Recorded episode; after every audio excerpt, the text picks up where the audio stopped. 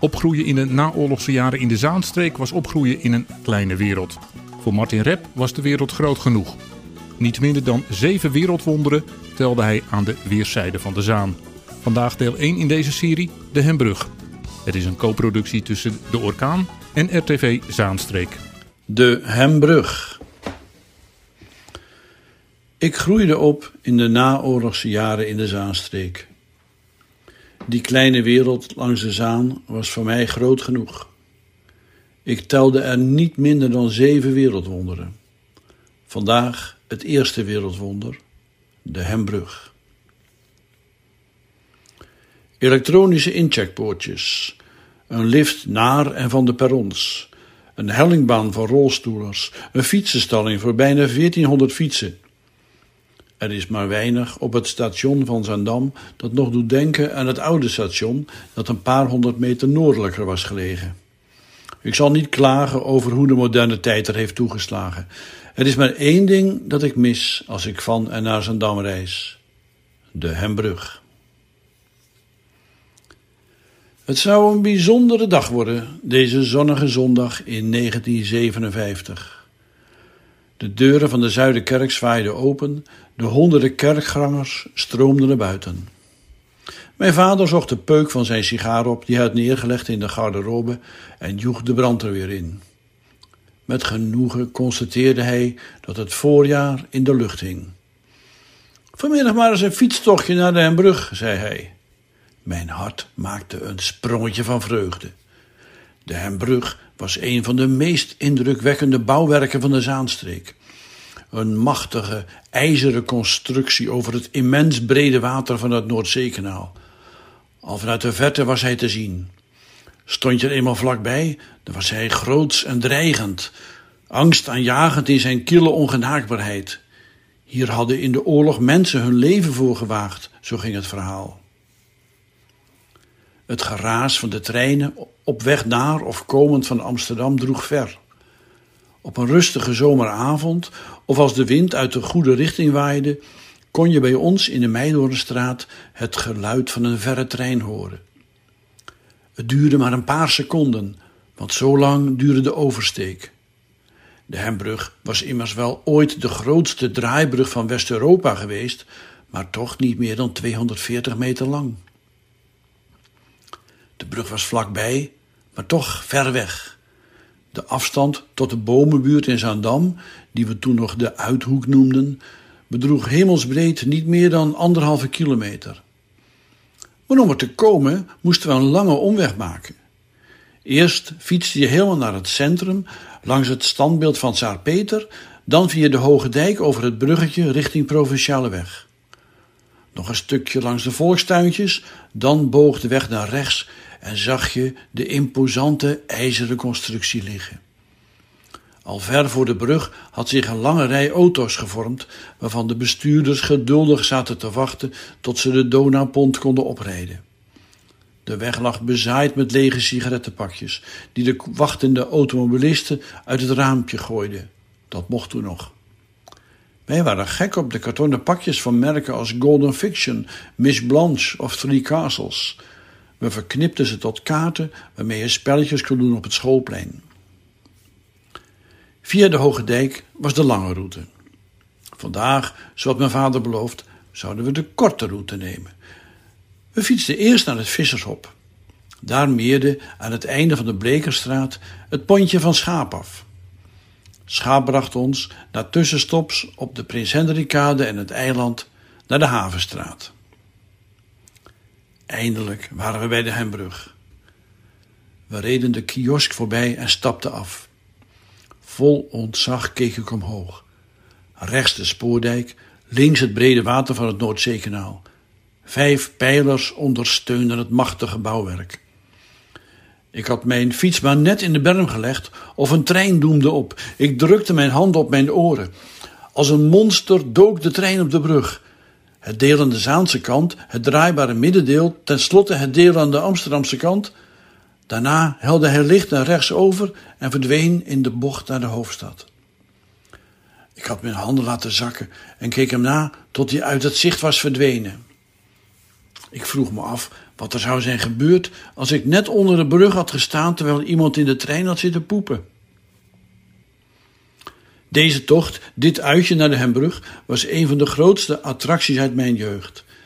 Met schoolreisje waren we naar Ouwehans Dierenpark geweest en naar het golfslagbad De Branding op de Veluwe. Maar hier kon niets aan tippen. En het was nog maar net begonnen. Na de razende trein stond de volgende attractie op de agenda: de pont. Een paar jaar geleden had de Donaupont hier zijn entree gemaakt, omdat de twee bestaande veren de toenemende stroom auto's niet meer konden verwerken. Het gevaarte was een tweedehandsje, voor de oorlog gebouwd in Duitsland om spoorwagons over de Donau te vervoeren. Toen brak de oorlog uit. Het vaartuig werd nooit in gebruik genomen.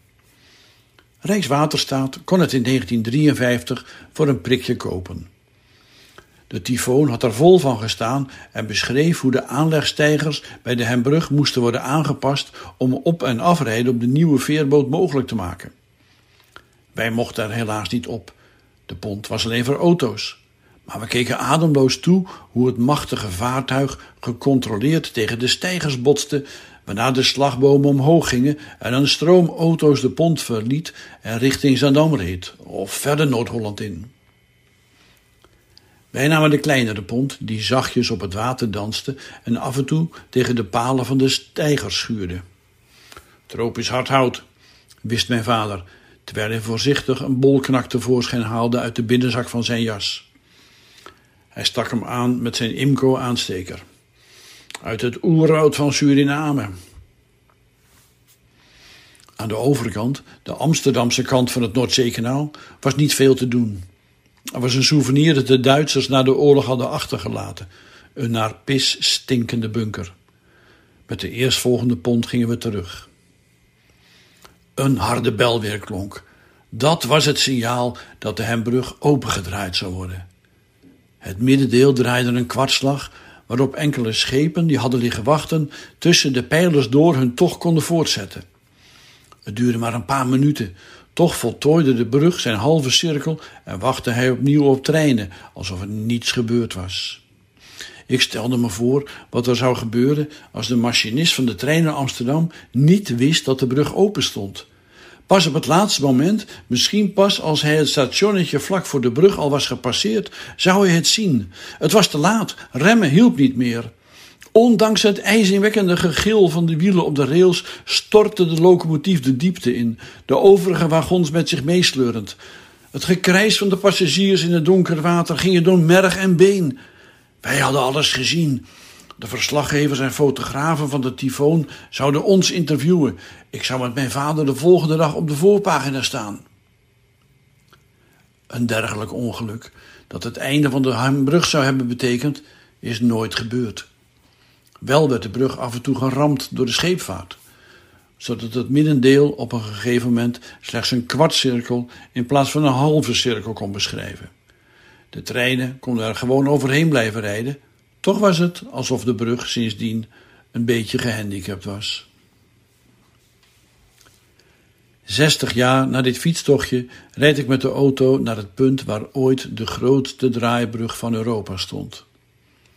De veren over het Noordzeekanaal gaan nog steeds, maar daar komen mijn Dikkie en ik niet voor. We nemen de bocht naar rechts en draaien de Hemkade op. De vooroorlogse rijtjes huizen bieden een mooi uitzicht over het Noordzeekanaal en om de zoveel jaar zitten de bewoners eerste rang bij het zeelevenement dat hier voorbij komt. We zetten de auto neer in de Pieter Gijsselaan, een smalle straat waar tal van bedrijven op uitkomen en lopen terug naar de kade. Geen spoor meer van de Hembrug. Ik knijp mijn ogen tot spleetjes en probeer de bunker aan de overkant te ontdekken. Vergeefs. Als je op de pont stond, was de Hembrug 100, misschien 200 meter verderop, zeg ik tegen Dickie. Er is niets dat herinnert aan de brug, die hier meer dan driekwart eeuw de omgeving heeft gedomineerd. Een van de bewoners van het rijtje huizen is aan het klussen in zijn woonkamer. Ik bel aan. We hebben geluk. De man die open doet, woont hier al lang en heeft het allemaal nog meegemaakt. Het stationnetje Hembrug, de Balkenhaven, die volgt met balken van bruinzeel, de Donaupont. Hij heeft de sloop gezien van de draaibrug en van de pijlers waar die op rusten.